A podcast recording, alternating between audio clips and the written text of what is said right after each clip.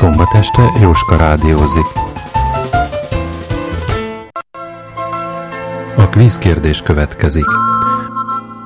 Miben segítették ezek a posztó kereskedő fiát? A válaszokat november 20-án, pénteken este 8 óráig kérem e-mailben a tanfelügyelőkukac estiskola.hu e-mail címre. Tehát még egyszer, miben segítették ezek a posztó kereskedő fiát?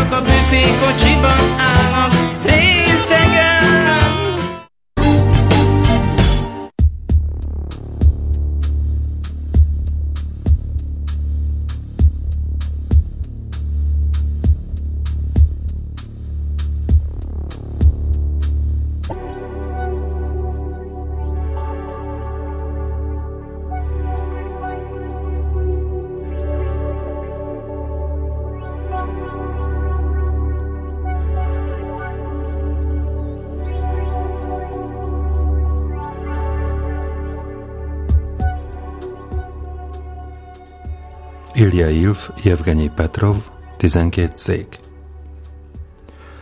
A Titanic nyomai Ippolit Matvejevics szokása szerint fél nyolckor ébredt. Gut Morgan dünnyögött, és a mosdóhoz vonult. Nagy gyönyörűséggel tisztálkodott. Köpködött, a fejét rázogatta, nehogy a víz a fülébe csurogjon, Kellemes érzéssel dörzsölgette szárazra magát, de mikor elkészült, észrevette, hogy törülközője csupa folt lett attól a radikálisan fekete színtől, amelyel két nappal ezelőtt horizontális bajszát megfestette. Hippolit Matvejevics szíve nagyot dobbant az ijegységtől. Zsebtükréért ugrott.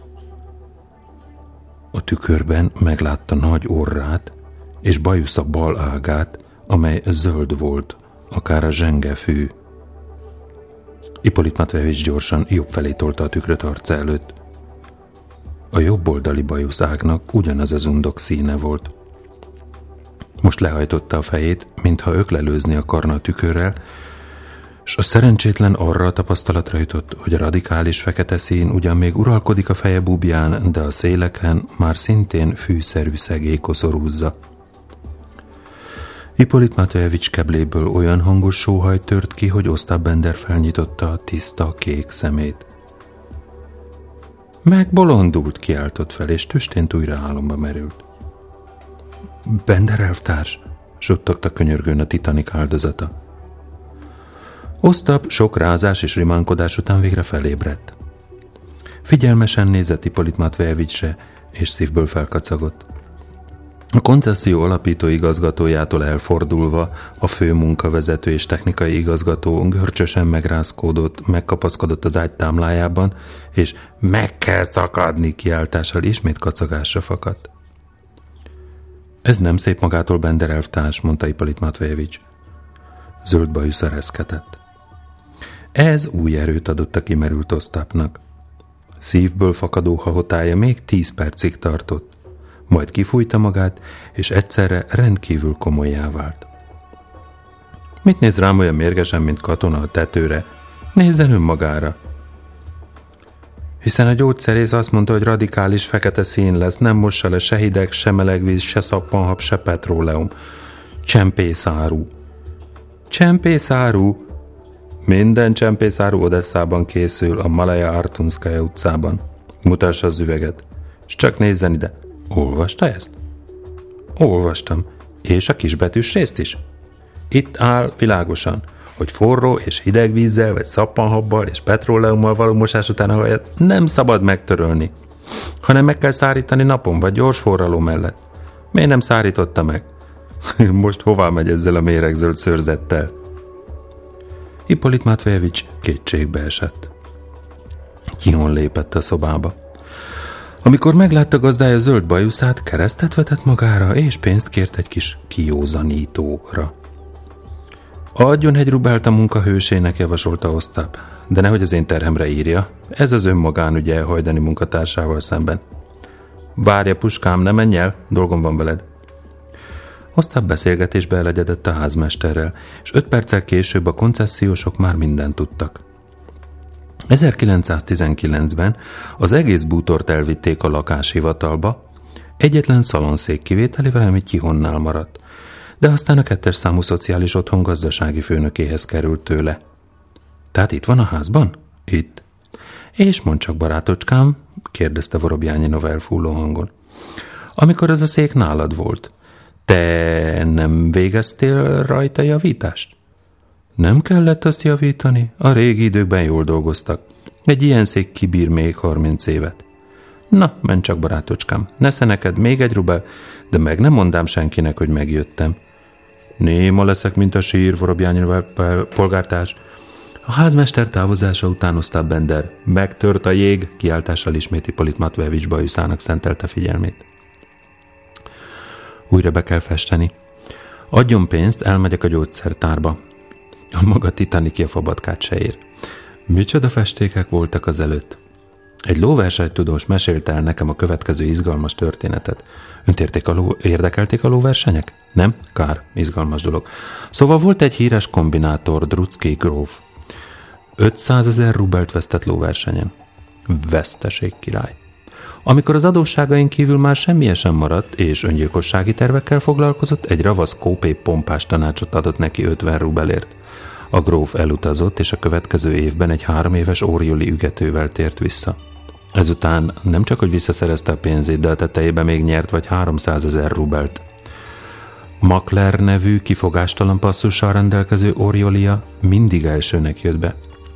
A derbin egy teljes hosszal előzte meg Makmahont. Derült égből villámcsapás. Kurocskin hallott felőle? Egyszer csak észreveszi, hogy valamennyi orjoli lassan megváltoztatja a színét, ám az egyetlen makler egy árnyalat nyit sem halványul. Hallatlan botrány tört ki. A gróf három évet kapott, kiderült, hogy Makler nem orjoli, hanem befestett félvér. A félvérek pedig sokkal gyorsabbak az orjoliaknál, úgyhogy nem is indítják őket együtt. Na mit szól hozzá, ez aztán a pompás festék? Nem olyan, mint a magáé. És a passzus, hiszen kifogástalan passzusa volt. Ugyanolyan, mint a címke a maga titanikján? Hamis. Na, adjon pénzt festékre. Osztább új keverékkel tért vissza. Najád. Talán jobb a Titanicnál, vegye le a kabátját. Kezdetét vette az átfestési szertartás. De a bámulatos gesztenye barna szín, mely a hajat látja és dússá varázsolja, a Titanic zöldjével keveredve, várakozás ellenére a nap spektrum színeire festette Ippolit Matvejevics fejét és bajuszát. Vorobjányinov, aki reggel óta semmit sem evett, elkeseredetten szitta az összes illat, illatszergyárat, és az odesszai Malaya Ar- Arutonskaya utcában feketén működő maszekokat egyaránt. Egészen bizonyos, hogy ilyen bajusza még Aristide Briónak sincs, jegyezte meg élcelődve Osztap, de az is bizonyos, hogy a szovjet Oroszországban nem tanácsos ilyen ibolyán túli szőrzettel élni, le kell borotválni. Lehetetlenség, felelte Ipolyt Matvevics fájdalmasan. Miért talán becses emlékként ragaszkodik hozzá? Lehetetlenség, ismételte Vorobjányinov fejét lecsüggesztve. Akkor csak üljön élete végéig a házmester lakásban, én meg a székek után nézek. Apropó, az első szék a feje fölött van. Borotváljon. Bender előkereste az ollót, és egy szempillantás alatt lecsípte a bajuszt, mely nesztelenül hult a padlóra. A nyírással elkészülve a technikai igazgató elővett zsebéből egy megrosdásodott önborotvát, levéltárcájából pedig egy tartalék pengét, és borotválni kezdte a majdnem síró Ipolit Matvejevicset. Magára fecsérelem el az utolsó késemet. Ne felejtsen javamra írni két rubelt a borotválkozásért és a nyírásért. Ipolit Matvejevics bár vonaglott a fájdalomtól, megkérdezte. Miért számít olyan drágán? Mindenütt 40 kopejkába kerül. A konspirációért, Feldmarsal elvtárs, vágta Bender. Hihetetlenek a szenvedései annak, akinek a fején önborotvábbal pusztítják a szőrt. Hippolit Matvejevics önmagán állapíthatta meg ezt az igazságot a műtét kezdete óta. De eljött a vég, amint hogy mindennek a vége eljön egyszer. Kész, az ülést folytatjuk. Az idegenek, az idegesek nem éltoztassanak ide nézni. Most Boborikinhoz hasonlít a közismert szerzőhöz és kupléénekeshez. Hippolit Matvejevics lerázta magáról az undok szőrgomolyagokat, amelyek az imént még szép ősz hajfürtök voltak, megmosdott és erősen égő fejjel ezen a napon immár századszor nézett magával farkas szemet a tükörben. Az, amit látott, váratlanul tetszésével találkozott. Egy szerződés nélküli színész fájdalmaktól eltorzult, de meglehetősen fiatalos arca tekintett vissza rá. Előre, indulj, felhasannak a kürtök, kiáltotta Osztap. Én követem a nyomokat a lakáshivatalba, vagy helyesebben abba a házba, ahol valamikor a lakáshivatal volt, ön pedig látogassa meg az anyókákat. Képtelenség, mondta Ippolit Matvejevics. Nagyon fájó lenne bemenni a saját házamba. Ja persze, izgalmas történet, a szám kivetett báró. Jól van, menjen a lakáshivatalba, itt pedig én látok munkához. Gyülekezőhely a házmester lakás. Díszmenet, indulj!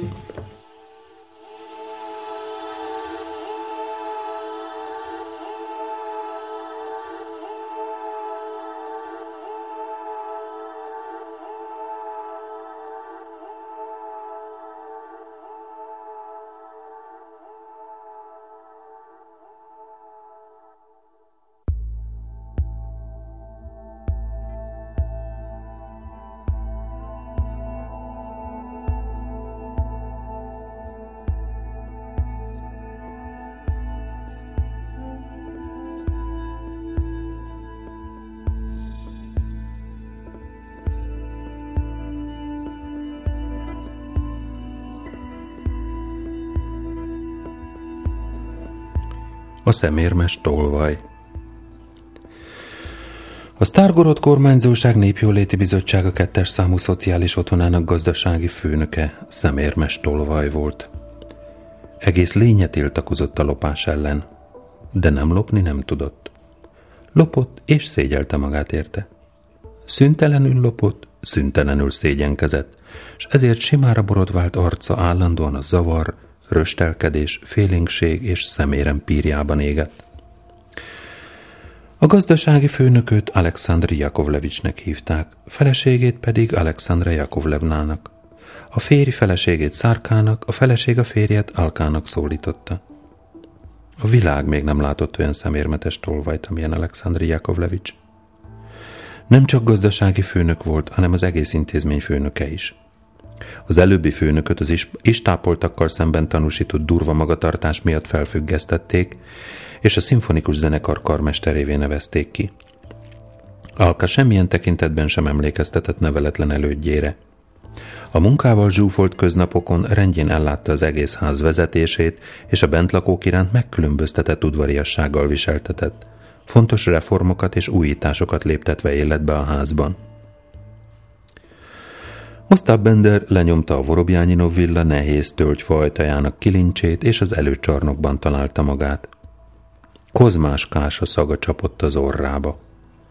A felső helyiségekből egy rajtvonal távoli hurrá, fáradt emlékeztető diszonáns hangjai szűrődtek le.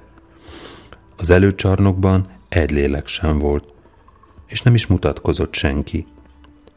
Az emeletre tölgyfa lépcsősor vezetett fel, valaha fényezett fokokkal. Most csak a gyűrűk meredeztek ki belőlük, de a rézrudaknak, melyek egykor a szőnyeget szorították le, hűlt helyük volt. Úgy látszik, annak idején a Marshall úr hitvány fényűzésben élt, gondolta Osztap, miközben felfelé haladt a lépcsőkön. Az első világos és tágas szobában vagy 15 ősz öregasszony ült körben, a legolcsóbb egérszínű zsávolyból készült ruhában. Meretten nyújtogatták száraz nyakukat, pillantásokat a középen álló, virágzó férfira szegezték, és énekeltek. A karmester ugyanabból a zsávolyból szapott, szürke ujjasban és nadrágban két kézzel dirigált, és ide-oda forogva kiáltozott. Szoprán, halkabban, kukuskina csendesebben, Meglátta Osztapot, de képtelen volt fékezni kezének lendületét, és ezért megelégedve azzal, hogy bosszus pillantást vessen a betolakodóra, folytatta a vezénylést. Mondja kérem, hol találom meg a gazdasági főnök elvtársat? kérdezte Osztap kihasználva a legelső szünetet. Miről van szó, elvtárs? Osztap kezet nyújtott a karnagynak, és szívélyes hangon érdeklődött. Népdalok? Nagyon érdekes. Tűzőrségi felügyelő vagyok. A gazdasági főnök elszégyelte magát. Igen, igen, mondta zavartan. Épp kapóra érkezett, már meg is akartam írni a jelentést. Szükségtelen terhelnie vele magát, nyugtatta meg nagy lelkűen Osztap. A jelentést majd megírom én, magam. Hát gyerünk, nézzük meg az épületet. Alka egy kézmozdulattal elbocsátotta a kart. A vénasszonyok apró, örvendező léptekkel kicsaszogtak. Parancsoljon utánam, szólt a gazdasági főnök. Mielőtt elindultak, Osztap alaposan szemügyre vette az első szoba bútorát. A szobában egy asztal, két vaslábú kertipad, az egyik támlájába a kollia név volt mélyen belevésve, és egy vöröses harmónium állt. Nem használnak gyors forralókat ebben a szobában? Tartalékkályhákat és efféléket? Nem, nem, itt szakköreink foglalatoskodnak. Az énekkör, a színjátszó, a képzőművészeti, a zenei. Amikor a zenei szóhoz ért, Alexandri Jakovlevics elpirult. Először az álla borult lángba, azután a homloka és az arca. Alka nagyon szégyelte magát. Már régen eladta a fúvós zenekar valamennyi hangszerét. A vénasszonyok gyenge tüdeje amúgy is csak kölyök kutya nyöszörgést tudott kicsalni belőlük. Nevetséges látvány volt ez a fémhalom ilyen tehetetlen környezetben. Alka nem állta meg, hogy el ne lopja a zenekart. És most nagyon szégyelte magát. A falon két ablak között kifeszített egérszínű zsávolyon a következő jelmondat ékeskedett fehér betűkkel. A fúvós zenekar út a kollektív alkotás felé. Nagyon jó állapította meg Osztap. Egyébként a terem tűzrendészeti szempontból kifogás alá nem esik. Menjünk tovább. Mi alatt keresztül siettek a Vorobjányinov villa homlokzati szobáin, Osztáp élesen fürkészet, de sehol sem sikerült felfedezni a virágos, világos, angol bútor szövettel kárpitozott hajlított lábú diófaszéket. A műmárványjal burkolt falakra a Sztárgorodi Népjóléti Bizottság kettes számú szociális otthonának rendelkezései voltak felragasztva. Osztap elolvasta őket, és időnként energikus kérdéseket tett fel. A kéményeket előírás szerint tisztogatják? A kájhák rendben vannak? És miután a kimerítő válaszokat megkapta, folytatta útját. A tűzőrségi felügyelő nagy buzgalommal kutatott a házban legalább egyetlen sarkot, amely tűzrendészeti szempontból kifogásolható lett volna. Minden hibátlan volt. A kincskeresés azonban szintúgy meddő maradt. Osztap bement a hálótermekbe. Megjelenésekor felálltak a vénasszonyok, és mélyen meghajoltak. A termekben tábori ágyak álltak, durva, kutyaszőrszerű takarókkal leterítve, amelyek egyik végébe a láb szó volt gyárilag beleszőve. Az ágyak alatt ládácskák sorakoztak. Ezeket a katonás rendet kedvelő Alexandr Jakovlevics utasítására pontosan egyharmad résznyire előre kellett húzni. A kettes számú otthonban minden szemet szúrt túlzott szerénységével. A bútorzat, melyet kizárólag az Alexandr, ma a proletár szombat nevét viselő körútról hozott kerti padokból állt, a bazári patróleumlámpák és maguk a takarók az ijesztő láb szóval. Csupán egyetlen dolog volt a házban erős és túlméretezett. A megannyi ajtórugó. Az ajtórugó Alexandr Jakovlevics szenvedélye volt – Fáradtságot nem kímélve sikerült valamennyi ajtót kivétel nélkül a legkülönfélébb rendszerű és formájú rugókkal ellátnia. Voltak itt légszivattyús készülékek, henger alakú fém légsűrítőkkel, voltak vasrúd alakú készülékek, és egészen egyszerű rugók csigákon leereszkedő súlyos sörétzsákocskákkal. Működtek olyan bonyolult szerkezetek is, hogy a Népjóléti Bizottság lakatosa csak a fejét csóválta álmélkodásában. Mindezek a hengerek, rugók és ellensúlyok hatalmas erőt fejtettek ki. Az ajtók akkora lendülettel vágódtak be, mint az egérfogók csapóajtócskái. Az egész ház rengette szerkezetek munkájától. Az anyókák sápítozva igyekeztek menekülni a rájuk törő ajtók elől, ami nem mindig sikerült. Az ajtók utolérték a menekülőket, és hátba taszították őket, felülről pedig már tompa csikorgással ereszkedett le az ellensúly, és ágyugolyóként röpült el a halántékuk mellett. Mikor Bender a gazdasági főnökkel végigment a házban, az ajtók félelmetes csattanásokkal adtak üdvözletére dísztüzet. Mindemellett az egész erődberendezés semmit sem rejtegetett. A szék nem volt sehol. A tűzrendészeti hiányosságok keresése közben a felügyelő a konyhába tévedt. Itt főtt egy nagy mosókonyhai üstben a kás, amelynek szagát a nagy kombinátor még az előcsarnokban megérezte. Osztap orfintorgatva megkérdezte, mi az, gépolajjal főznek? Istenemre, tiszta vajjal felelte Alka, könnyekig pirulva. Az állami tehenészettől vásároljuk. Nagyon szégyelte magát. Különben ez tűzveszélyt nem jelent, jegyezte meg Osztap. Széket a konyhában sem talált. Csak egy zsámoly volt ott, melyen a szakács ült, zsávoly kötényben és kalapban. Miért van az, hogy önöknél minden ruhadarab szürke, és hozzá olyan anyagból való, amely csak ablakrongynak jó? A szemérmes alka még nagyobb zavarba esett. Nem bocsátanak elegendő hitelt a rendelkezésünkre, undorodott önnön magától. Osztap kétkedve nézett rá. A tűzőrségre, melyet a pillanatban képviselek, ez nem tartozik, mondta. Alka megijedt. Tűz ellen minden lehetséges óvintézkedést foganatosítottunk, jelentette ki. Még ékler haboltó készülékünk is van. A tűzőrségi felügyelő kedvetlenül követte a gazdasági főnököt a tűzoltó készülékhez, útközben bekukkantva a kamrákba is. A vörös bádok kúp bár az egyetlen tárgy volt a házban, amelynek a tűzőrséghez köze lehetett, különös ingerültséget váltott ki a felügyelőből. A zsibvásáron vették? És anélkül, hogy bevárta volna a villámsújtott Alexandri Jakovlevics válaszát, leakasztotta az éklert a rozsdás szögről, figyelmeztetés nélkül levette a kupakját, és gyorsan fölfelé irányította. Álma várt, habzó sugár helyett, a kup csak halk sistergést bocsátott ki magából, mely a dicsőség az Úrnak Sionban ősi dallamára emlékeztetett. Persze, hogy a zsibvásáron erősítette meg előbbi véleményét Osztap, és a makacsú léneklő tűzoltó készüléket visszaakasztotta régi helyére. A sistergéstől kísérve folytatták tovább útjukat. Hol az ördögben is lehet, töprengett Osztap. Kezd a dolog nem tetszeni. És elhatározta, hogy mindaddig nem hagyja el a zsávoly boszorkánytanyát, amíg meg nem tudott mindent.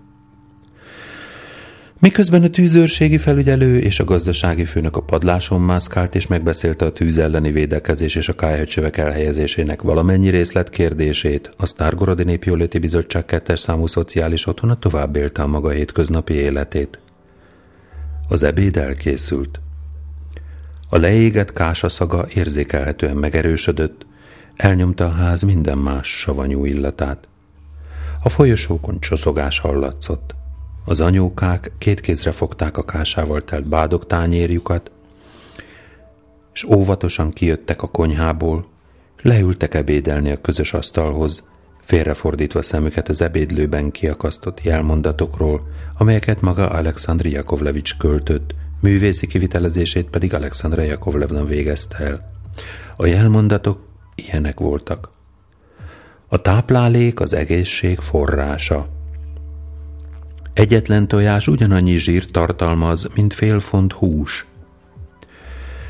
Jól rágd meg az ételt, ezzel is támogatod a társadalmat. És a hús ártalmas. Mindezek a szent szavak emlékeket ébresztettek fel az anyókákban.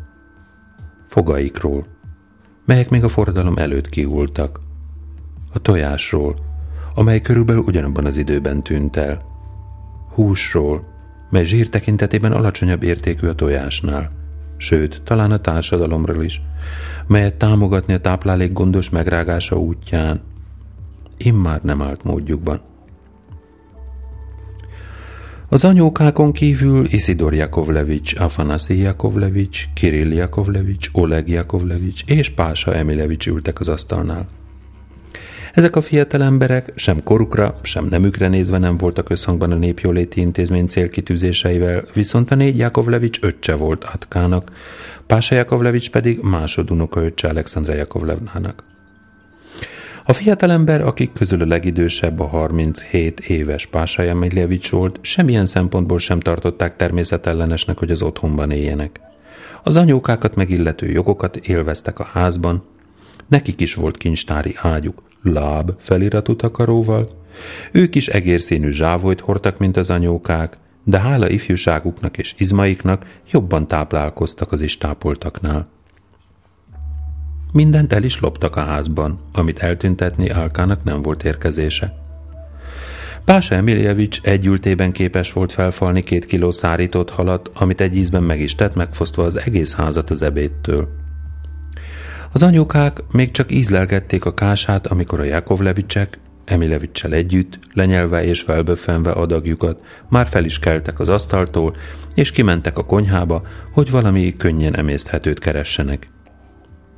Az ebéd folytatódott.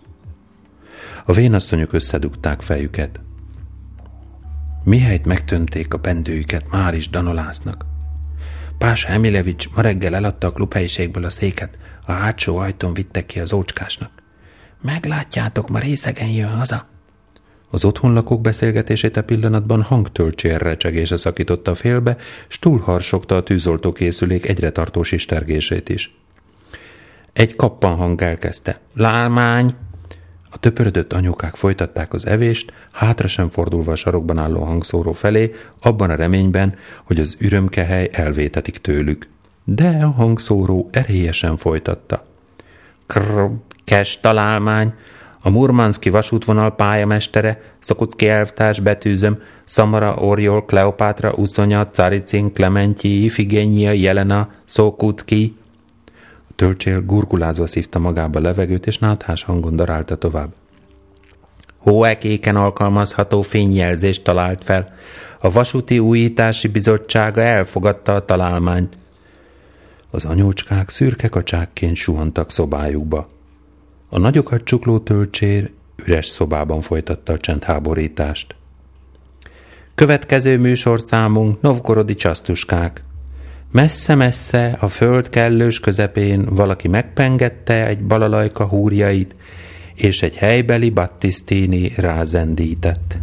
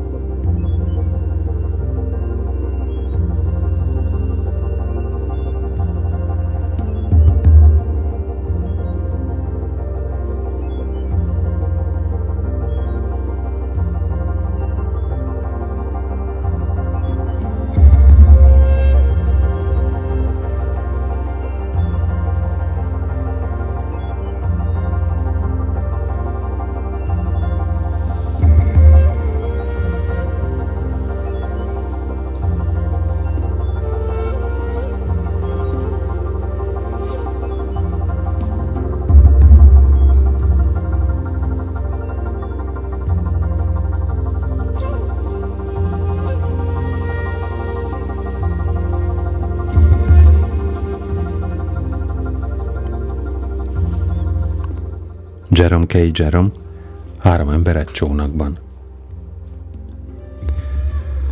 Harris éppen ilyen fajta ember lesz a felnő, mint Podger bácsi. Én ezt biztosan tudom, és meg is mondtam neki. Kijelentettem, nem engedhetem, hogy ilyen nagy munkát magára vállaljon. Nem, Harris, te csak tedd magad elé a papírt, a ceruzát és az árjegyzéket, George írja, a munkát pedig majd én végzem. Az első listát el kellett dobnunk. Nyilvánvaló volt, hogy a Temze felső folyása nem bírja el az olyan nagy csónakot, amely elegendő, ami nélkülözhetetlennek jelzett Holming elhelyezésére. Ezért széttéptük a jegyzékünket, és összenéztünk. Megszólalt George. Szerintem rossz úton járunk. Nem azokat a dolgokat kell számba vennünk, amikre nincs szükségünk, hanem azokat, amik nélkül nem tudunk meglenni. George néha majdnem egészen értelmesen beszél, ami valósággal meglepi az embert. Egyenesen kötelességének kell azt tekinteni, nem csak a jelen esetre nézve, hanem általánosságban is, az élet folyóján való utazásunkra vonatkoztatva bölcsességét. Hány ember terheli meg ilyen kirándulásokon hajóját olyan ostoba dolgok tömkelegével, hogy az elsüllyedés veszélye fenyegeti olyan dolgokkal, amelyeket az utazás élvezetéhez és kényelméhez lényegesnek tart, de amelyek valójában haszontalan lomok. Az emberek árboc magasságig megrakják rozog a kis bárkájukat szép ruhákkal és nagy házakkal, fölösleges szolgaszemélyzettel és előkelő barátokkal, akik egy fikarnyit sem törődnek velük, költséges vacsorákkal, amiken mindenki unatkozik, formaságokkal és divatokkal, igényekkel és fitoktatással, és ami a legnyomasztóbb és legesztelenebb limlom, azzal a félelemmel, vajon mit fog a szomszédom rólam gondolni? Olyan fényűzéssel, amely csak undorít, olyan élvezetekkel, amelyek untatnak, üres hivalkodással, amely, mint egykor a bűnösök szöges koronája megvérzi és kábulatba ejti a fejet, amely viseli. Mindez üres limlom. Vest ki a bárkádból. Olyan nehézé teszi a csónakodat, hogy beleakadsz az evezésbe. Oly nehézkessé és veszedelmessé válik az evező fogása, hogy soha sincsen egyetlen bútól és gondtól mentes percet sem, soha sem jutsz egy kis pihenéshez, hogy elábrándozhass, nincs időd nézni, mi könnyedén suhannak el a reszkető árnyak az sekély habok fölött, s mind szögdécsel ide-oda a csillogó napsugár a víz fodrán, mind nézegetik magukat a part nagy fái a víz tükrében. Nincs időd gyönyörködni az erdők zöldjében és aranysárga színében, a fehér és sárga liliomban, a víz komoran rohanó árjában, a sásban vagy a ne felejts kékjében. Vest ki ezt a lomot, ember! Hadd legyen életed csónakja könnyű. Ne hordozd, amire nincs szükséged.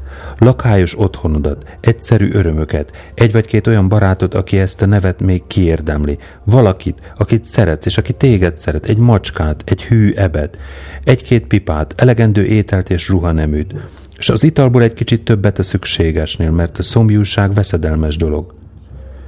S meglátod, a csónakot simábban siklik, nem borul fel könnyen, de az sem lesz olyan nagy baj, ha éppen föl is talál fordulni, az egyszerű jóáru állja a vizet. Lesz időd, hogy gondolkozz és dolgozz. Lesz időd élvezni az életnap sugarait, meghallgatni azt az égi zenét, amely Isten szele a minket környező szívek húrjaiból kicsal. Lesz időd rá, hogy Igazán bocsánatot kérek, teljesen megfeledkeztem magamról. Elég az hozzá, hogy listát rábíztuk George-ra, és ő hozzálátott. Nem viszünk magunkkal sátrat, ajánlotta George. Olyan csónakunk lesz, amelyen ernyő van, sokkal egyszerűbb és kényelmesebb. Jó gondolatnak látszott, és ezért el is fogadtuk.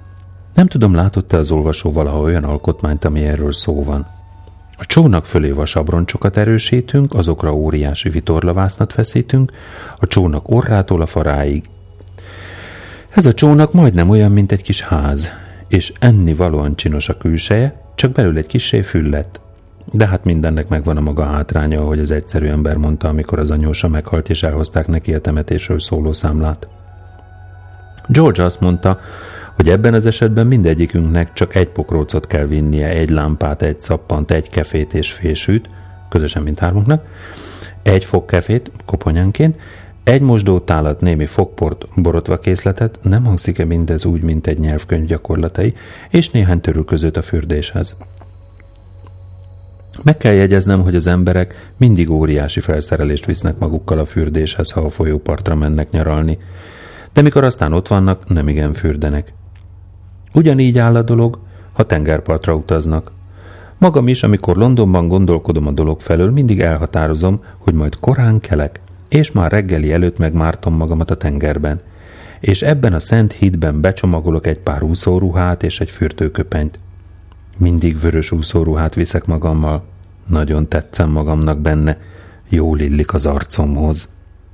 De mikor ott vagyok a tengerparton, valahogy már nem érzem annyira reggeli fürdő szükségességét, mint amikor még a városban voltam. Sőt, sokkal inkább az az érzésem, hogy minél tovább kell az ágyban maradnom, és fölkelés után rögtön meg kell reggeliznem.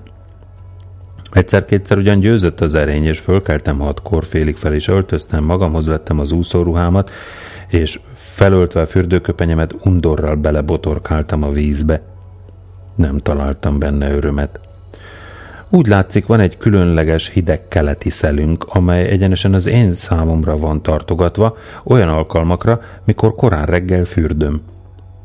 Minden háromszögletes követ külön kiválogatnak és lapjára állítanak. Kicsiszolják a sziklák élét, és behintik egy kis homokkal, hogy ne vegyem észre. A tengert pedig fogják, és két mérfölddel kijebb tolják úgy, hogy nekem hat hüvelyknyi vízben kell a hidegtől reszketve előre ugrálnom. Amikor meg kiérek a tengerbe, a tenger nyugtalan és valósággal pimaszkodik velem. Egy óriási hullám fölkap, és ülő helyzetben csuklaszt össze.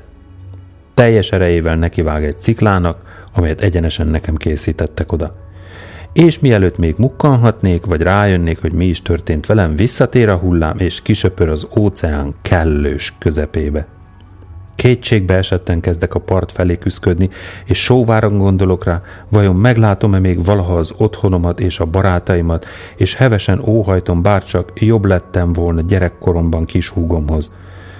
De épp midőn már letettem minden reményről visszatér a nagy hullám, és ott hagy engem csillagféreg módjára evickélni a homokban. Mikor föltápászkodom és visszanézek, azt látom, hogy két lábnyi vízben folytattam élethalál küzdelmet. Kiszökellek a partra, felöltözöm, hazavánszorgok, és igyekszem úgy tenni, mintha gyönyörűségemre szolgált volna a fürdés. E pillanatban még mi is úgy viselkedtünk, mintha majd minden reggel nagy úszást akarnánk rendezni.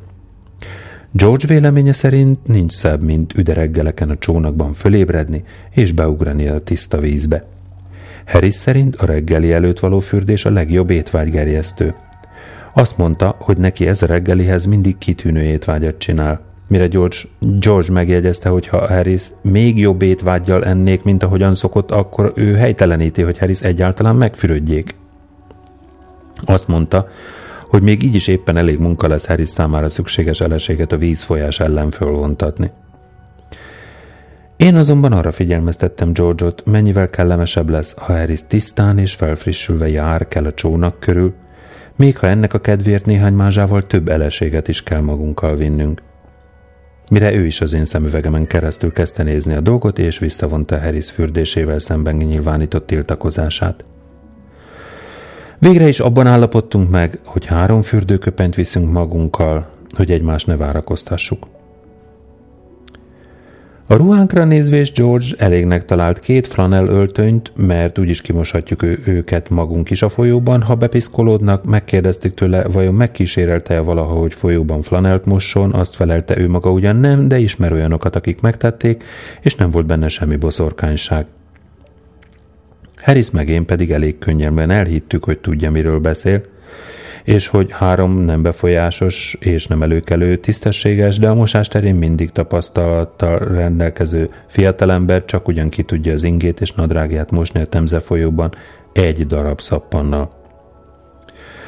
Az eljövendő napokban, mikor bizony már késő volt, rájöttünk, hogy George nyomorult fráter, akinek nyilvánvalóan fogalma sem lehetett a mosásról. Bár látták volna ezeket a holmikat mosás után. No, de ahogy a kiáltók mondani szokták, tessék, csak tessék bejebb kerülni, ott majd meglátják a többit. George Rank erőszakolta, hogy váltani való fehér neműt és sok harisnyát is vigyünk magunkkal, arra az esetre, ha fölborulnánk.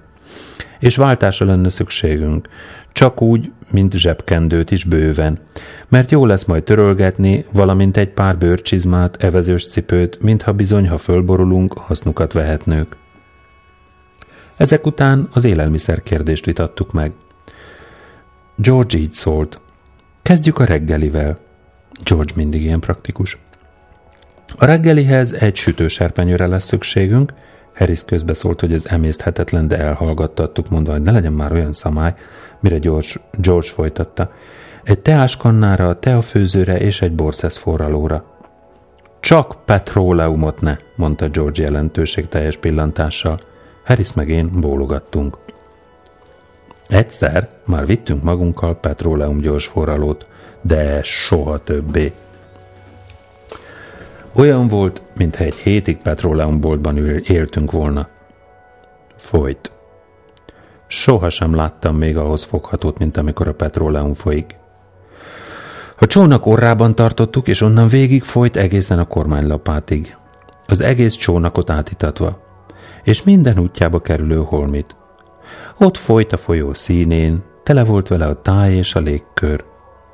Időnként nyugati petróleumos szelet éreztünk, máskor meg keleti petróleumos szelet. Néha északi petróleumos szél fújt, és talán déli petróleumos szél is. De akár a sarki hómezők felül jött, akár a sivatag homokjából támad, hozzánk mindenképpen petróleum szaggal telítve érkezett. A petróleum elfolyt egészen a lemenő napig. És tönkretette. Ami pedig a holdsugarat illeti, az is határozottan petróleum gőzökkel volt tele. Márlóban már szabadulni igyekeztünk tőle. Ott hagytuk a csónakot a híd mellett, és sétát tettünk a városban, hogy meneküljünk a szaga elől. De mindenütt a nyomunkban járt. Az egész város tele volt petróleummal. Megnéztük a temetőt, de mintha a halottakat is petróleumban temették volna el. A főutca petróleum szagú volt. Alig győztünk rajta eleget csodálkozni, hogy tudnak az emberek benne megmaradni. Aztán több mérföldnyi sétát tettünk a Birminghami országúton, de hasztalan, mert az egész környék petróleumba volt mártva. A kirándulás végén éjfélkor összejöttünk egy elhagyott mezőn, egy kiszáradt tölgyfa alatt, és szörnyű esküdtettünk. Ugyan már egy teljesetek háromkodtunk, de az csak olyan köznapi polgári volt, ez azonban már ünnepélyes esemény volt. Szörnyű esküdtettünk, hogy többé csónakba sohasem viszünk magunkkal petróleumot, kivéve persze betegség esetén. Ezért aztán jelen esetben denatúrált szorítkoztunk. Persze elég rossz az is. Denaturált szeszes pástétomot és borszeszes süteményt kapsz enni, de a denaturált szesz mégiscsak egészségesebb a petróleumnál, ha nagy mennyiségben került a szervezetbe. A reggeléhez George még tojást és szalonnát is ajánlott, mert ezt könnyen meg lehet sütni, továbbá hideg húsfélét, teát, vajas kenyeret és lekvárt. Ebédre kétszer sültet, hideg húst, vajas kenyeret, lekvárt szán, de sajtot semmi esetre sem. A sajt a petróleumhoz hasonlóan fölhívja magára a figyelmet. Az egész csónakot ki akarja sajátítani, áthatol a szatyron, és mindennek sajt szagot kölcsönöz. Meg sem lehet mondani, hogy olyan almás pástétomot eszel vagy német kolbászt, vagy tejszínhabos szamócát. Mindent sajtnak érzel. Ha sajt van a közeledben, minden bűzlik. Emlékszem, volt egy barátom Liverpoolban, aki néhány kerek sajtot vásárolt egyszer. Pompás sajt volt. Érett és puha, amely jótállás mellett 200 ló erős bűzt árasztott három mérföld körzetben, és leütött volna egy embert 200 járnyira. Abban az időben éppen Liverpoolban tartózkodtam, és a barátom megkért, ha nincs ellenemre, vigyem a sajtot, visszatértem kor magammal Londonba, mert ő még egy-két napig nem jöhet, és azt hiszi, hogy nem lesz jó a sajtot tovább ott tartania. Nagyon szívesen, édes öregem, válaszoltam, nagyon szívesen. Elmentem a sajtért, és magammal vittem egy egyfogatúban. A jármű rozogajószág volt, és egy megrodjant térdű, agyonhajszolt alvajáró vonszolta amelyről a tulajdonos a lelkes pillanataiban úgy beszélt, mintha csak ugyan ló lett volna. Föltétettem a sajtot a kocsi tetejére, mire elindultunk, de olyan nehézkesen, hogy becsületére vált volna a leggyorsabb gőszengernek is, amelyet valaha gyártottak. Vígan haladtunk, mint egy temetési menet, míg az utca fordulójához nem értünk. Ott aztán a szél éppen a mi paripánk felé vitte a sajtszagát. Egyszerűbe fölébredt tőle, és borzalmas horkantással óránként három mérföldnyi sebességgel ragadott tova. A szél még mindig ő felé fújt, és mielőtt az utca végére érhettünk volna, csak nem négy mérföldnyi gyorsasággal repült maga mögött hagyva a rokkantakat és az idős testes asszonyságokat. Két portásnak és kocsisnak kellett az állomáson lefognia, és talán még így sem sikerült volna nekik, ha csak egyiküknek nem lett volna annyi lélek jelenléte, hogy zsebkendőjét a ló orrához nyomja, és egy darab barna papírost meggyújtson. Megváltottam a jegyemet, és büszkén bevonultam a sajtómmal a perorra, mi alatt az emberek két oldal teljesen utat nyitottak. A vonat tömve volt emberekkel. Így olyan szakaszba kellett beszállnom, ahol már is heten ültek. Egy morcos öreg úr tiltakozott is ellene, de azért én mégiscsak beszálltam. Föltettem a sajtomat a hálóba, kellemes mosolyjal szorítottam magamnak helyet az ülésen, és megjegyeztem, milyen meleg napunk van – Alig telt bele néhány perc, és az öreg gentleman fészkelődni kezdett. Nagyon szorosan ülünk itt, mondta. Elviselhetetlen, szólt a szomszédja. Erre mind a ketten szimatolni kezdtek, és a harmadik lélegzetvételnél már nem bírták tovább. Szó nélkül felkeltek és kimentek. Aztán a testes hölgy. Ő is felállt, azzal a kijelentéssel, hogy micsoda szégyen egy tisztességes férjes asszony zaklatni. Összeszedte táskáját és nyolc dobozát, és odébb állt. A maradék négy utas még ott ült egy ideig, míg csak a sarokban ülő ünnepélyes tekintetű, aki öltözete és egész megjelenése után ítélve temetkezési vállalkozók osztályához tartozhatott, meg nem jegyezte, hogy csecsemő holtás szaga jut eszébe. Mire a másik három utas mind egyszerre akart az ajtón kijutni. Jól össze is ütötték a kobakjukat. Rámosolyogtam a fekete ruhás úriemberre, és azt mondtam, hogy alig, nem egyedül leszünk az egész kocsiban, mire ő elégedetten röhögött, és csodálkozott, hogy némely ember olyan nagy hű, hogy csinál minden csekélységből. De mikor a vonat elindult, még rajta is különös lehangoltság vett erőt, ezért krúba érvén felszólítottam, igyunk egy kortyot. Beleegyezett. Utat törtünk magunknak az étterembe, ahol egy negyed órán át kiabáltunk, dobogtunk és integettünk az ernyőnkkel, míg végre előjött egy fiatal hölgy, és megkérdezte, hogy parancsolunk-e valamit.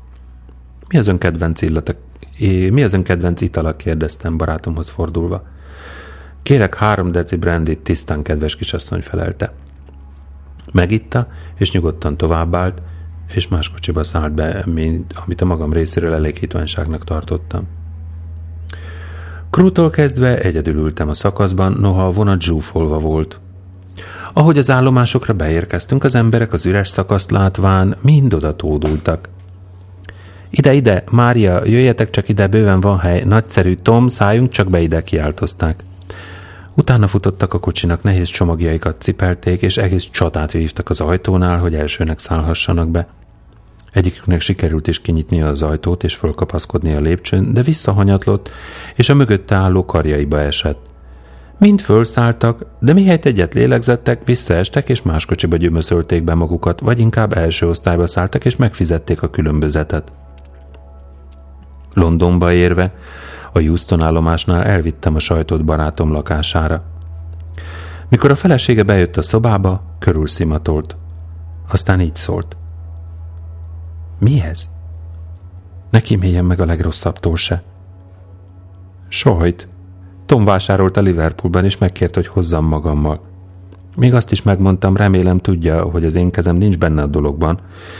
Kijelentette, hogy ez iránt semmi kétsége nem volt, de mihely Tom hazaér, cseveg majd vele a dologról.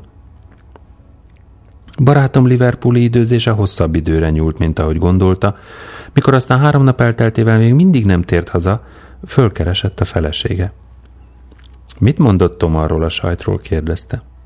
Előadtam neki Tom óhaját, hogy a sajtót nyírkos helyen tartsák, és senki ne nyúljon hozzá.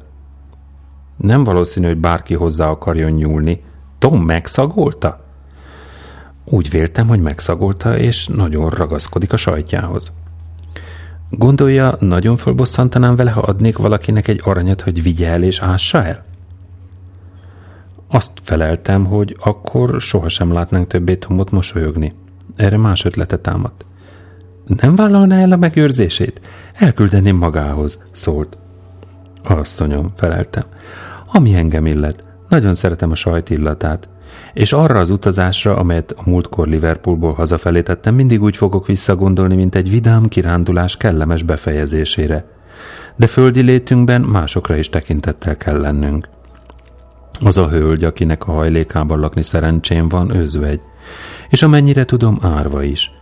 Erős, hogy úgy mondjam, ékesen szóló ellenszemvel viseltetik az ellen, hogy sértegessék. Kedves férje sajtjának az ő házában való jelenlétét, mint ösztönöm súgja minden esetre nagy sértésnek minősíteni, és nem szeretném, ha valaha azt mondhatnák, hogy én egy özvegyet és árvát sértegettem. Hát akkor jól van, válaszolt a távozóban. De annyit mondhatok, hogy addig a gyerekekkel együtt szállodába megyek lakni, amíg ez a sajt el nem fogyott. Nem vagyok hajlandó tovább egy házban élni vele.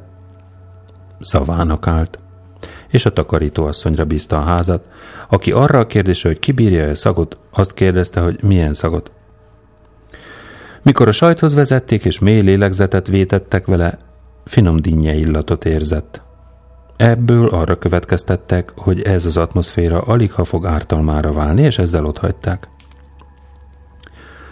A szállodai számla 15 fontra rúgott, mindent összevéve. Barátom kiszámította, hogy a sajtfontja Kilencet fél shillingbe került, nagyon szerette ugyan a sajtot, de rájött, hogy nem az ő anyagi körülményeihez való, így aztán elhatározta, hogy megszabadul tőle. Bedobta a Temze egyik csatornájába.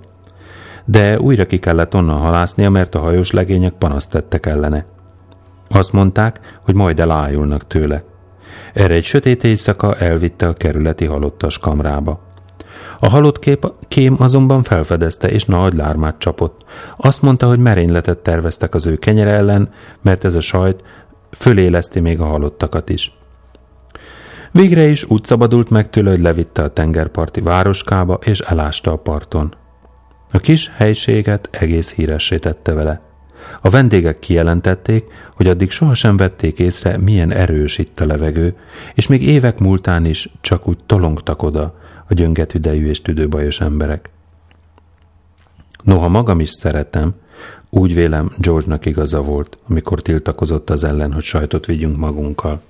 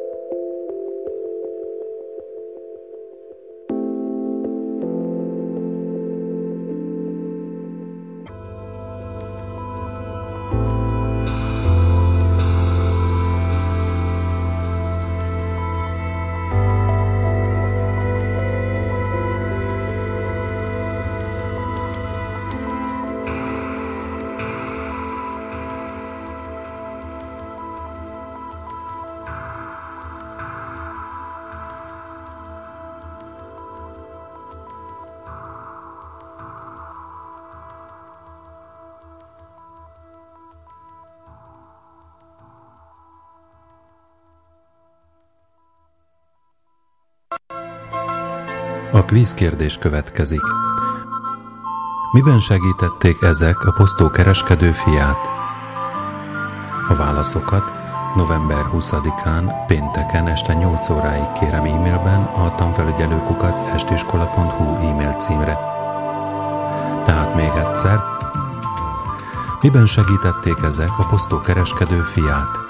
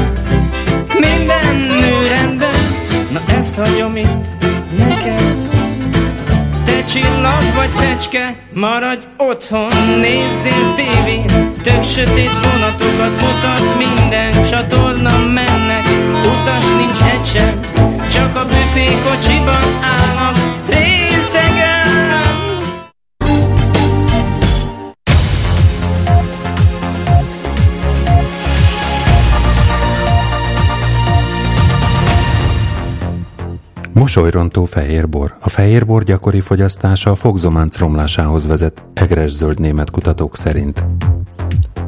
Ida néni nem rokon.